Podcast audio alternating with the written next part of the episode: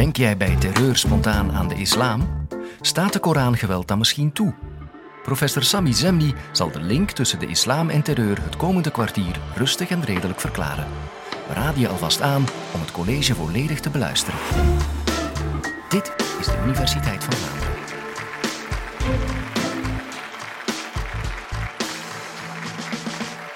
Sinds de aanslagen van 9-11 in de Verenigde Staten wordt de hele wereld geconfronteerd met geweld dat gepleegd wordt en gerechtvaardigd wordt in naam van de islam. En na elke aanslag, of deze in Brussel, Zaventem of in Bagdad plaatsvindt, stellen we ons met z'n allen heel veel vragen. En één cruciale vraag die vaak terugkomt is, waarom zijn er bepaalde moslims die zich aangetrokken voelen tot een dergelijke radicale ideologie? En vooral, hoe en waarom zijn ze in staat om over te gaan tot het plegen van aanslagen, tot het gebruik van geweld? En het is over deze cruciale vraag dat ik het met jullie wil hebben vanavond.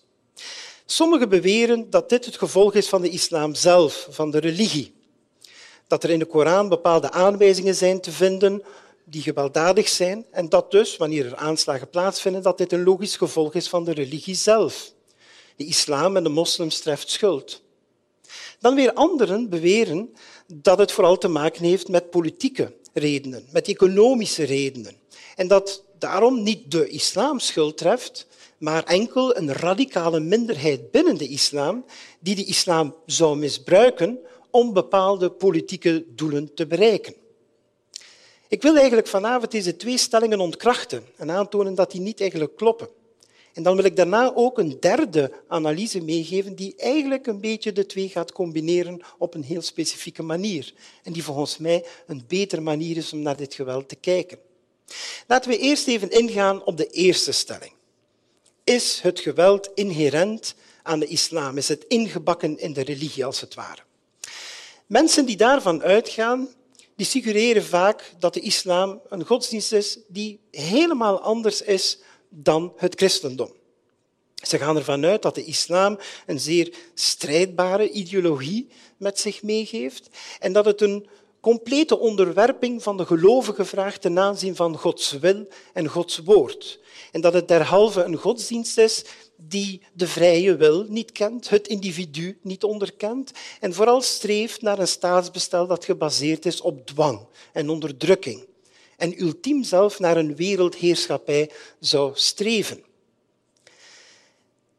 En dus als moslims een bepaalde gewelddaad plegen, gaan ze ervan uit dat dit het gevolg is van die leer. Want ja, er zijn in de Koran, het heilige boek van de moslims, inderdaad versen te vinden die oproepen tot geweld.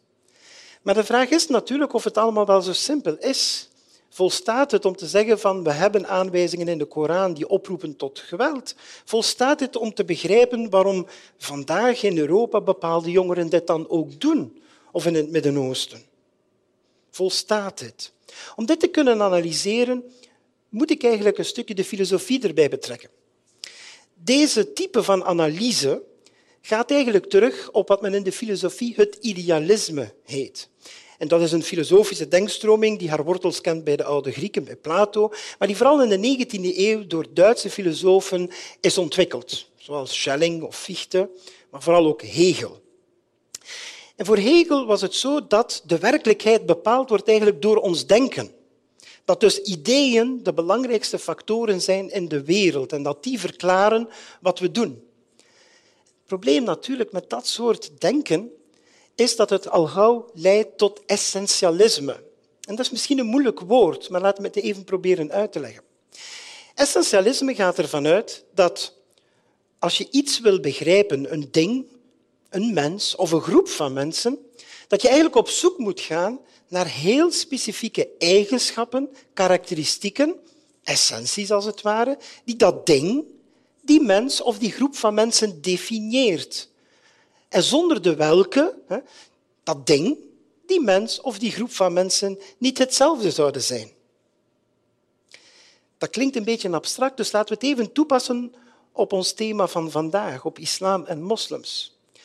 Hoe vaak horen wij niet dat de islam wordt omschreven met heel straffe karakteristieken, heel duidelijke termen. De islam is vrouwonvriendelijk, despotisch, niet democratisch, onvrij en ga zo maar door. Trouwens, niet toevallig allemaal eigenlijk een beetje het spiegelbeeld van hoe we onszelf graag omschrijven.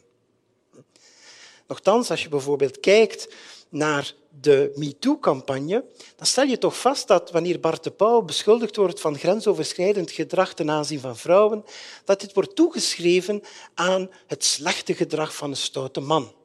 En gelukkig maar dat we daar al zijn. Maar wanneer de islamitische theoloog Tariq Ramadan de afgelopen weken voor dezelfde feiten wordt aangeklaagd, dan is het niet meer zijn stoute persoonlijk gedrag, maar een uitloper van zijn cultuur, van zijn religie, van de islam. Dat soort denken zien wij heel vaak in allerlei debatten. Hoe vaak hebben we al niet gehoord dat een niet-moslim zegt van ah, een moslim die gelooft in God en in Gods woord en jij gaat ervan uit dat de Koran het woord van God is.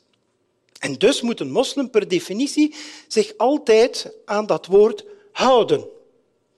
Maar wanneer nu een niet-moslim zegt, een, sorry, een moslim zegt van ja, maar ik lees daar iets anders in, ik beleef mijn religie op een andere manier, dan krijg je al gauw het label opgeplakt van ja, maar jij bent geen echte moslim of je bent geen goede moslim. Dus hij kan nooit winnen, die moslim. Hij is ofwel een slechte moslim, ofwel een essentiële moslim die voldoet aan de karakteristieken die hem worden toegeschreven van buitenaf.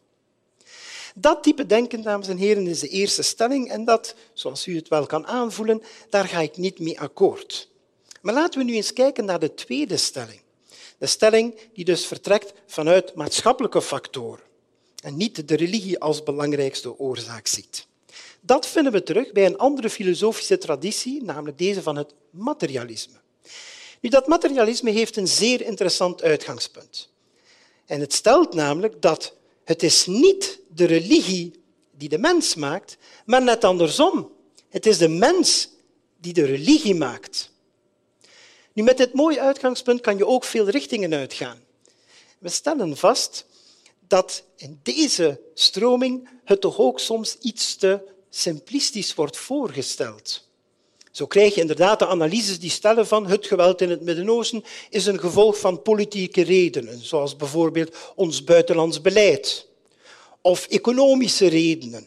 Alles is terug te brengen tot een zogenaamd economisme, de toestand waarin de mensen leven, armoede en dergelijke. Of het heeft te maken in Europa met de achterstelling, met de discriminatie of het racisme waar moslimjongeren mee te maken hebben in onze maatschappij. Nu, ik ben een sociale wetenschapper en uiteraard spelen dergelijke contextuele factoren een heel belangrijke rol. Maar het kan uiteraard ook niet simpelweg verklaren waarom het specifiek gebeurt in naam van de islam, dat geweld, en niet bijvoorbeeld in naam van een andere ideologie. En daarom wil ik naar een derde analyse gaan die ik sterker vind. En deze gaat dus zowel religieus-culturele factoren gaan combineren met die maatschappelijke factoren op een welbepaalde manier. Wat is nu eigenlijk dat islamitisch radicalisme? Wel, we kunnen het omschrijven als een zeer conservatieve ideologie die probeert een staatsmodel herop te doen leven, het zogenaamde kalifaat, dat teruggrijpt naar de principes die bestonden en die aan de grondslag lagen van de staat die de profeet Mohammed ooit heeft geleid in Medina in de zevende eeuw op het Arabische schiereiland. Dus de beginperiode van de islam. Dit is een geschiedenis die inderdaad sterk verschilt van de geschiedenis van het vroege christendom. Het vroege christendom was hoofdzakelijk een religie, een onderdrukte religie. Een religie die verboden was in het Romeinse Rijk, waardoor het vooral spiritualiteit, terughoudendheid en broederschap moest benadrukken. De beginperiode van de islam was onlosmakelijk verbonden met kwesties van macht, met kwesties van sociale regulering en vooral ook met allerlei kwesties die te maken hadden met de uitbouw van een islamitisch rijk omdat het geloof zich heel snel, vanaf die zevende eeuw, verspreidde vanuit het Arabische schiereiland naar het Midden-Oosten, Azië, Noord-Afrika en zelfs delen van Europa.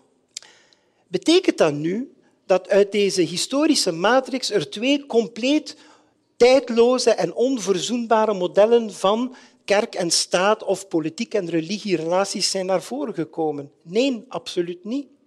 Kijk maar eens in de westerse geschiedenis. Hoeveel voorbeelden hebben wij niet van een despotische en alles overheersende kerk die oorlogen rechtvaardigde in naam van God? De kruistochten bijvoorbeeld, maar hoeveel koloniale oorlogen of oorlogen tegen andersgelovigen?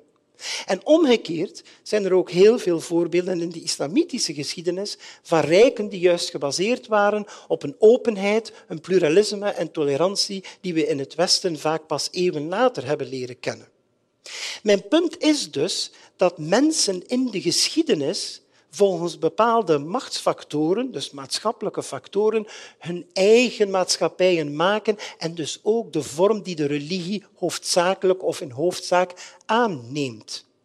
En als we dat toepassen op wat er vandaag de dag gebeurt, dan kunnen we een hele reeks factoren aanhalen. En het zou natuurlijk, het is niet mogelijk om dit binnen dit korte bestek allemaal even goed uit te leggen, maar ik geef jullie toch enkele heel belangrijke mee. Eerst en vooral is het zo dat na de onafhankelijkheid van de meeste landen in het Midden-Oosten en Noord-Afrika, dat de heersers aan de macht er niet zijn in geslaagd om de verwachtingen van hun bevolkingen te volbrengen.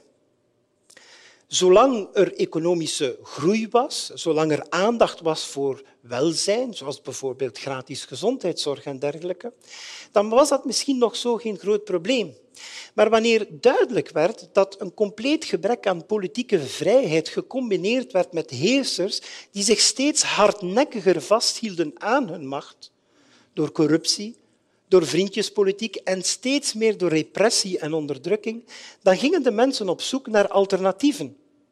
En sommigen, heus niet de meesten, hebben inderdaad in de islam een of andere vorm ervan, dus ook niet alleen de meest radicale vorm ervan, een alternatief gevonden. Want we mogen niet vergeten, dames en heren, dat zo'n 40, 50 jaar geleden de islam geen belangrijke politieke factor in die regio was. Het is betrekkelijk nieuw.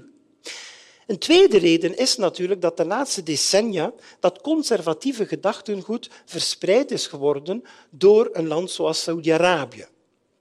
Maar Saudi-Arabië deed het niet alleen uit haar eigen belang. Ze werd daarin jarenlang gesteund door het Westen. Want we mogen niet vergeten dat in tijden van de Koude Oorlog het conservatisme werd aanzien als een dam tegen de Sovjet-Unie.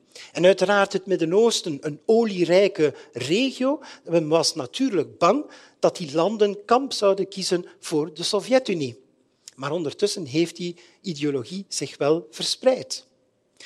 Een derde reden, en is ook cruciaal, is dat de afgelopen 20, 30 jaar in veel van die landen om de economie weer op te krikken allerlei ontwikkelingsmodellen zijn opgestart die voornamelijk als tot doel hadden de introductie van de vrije markt.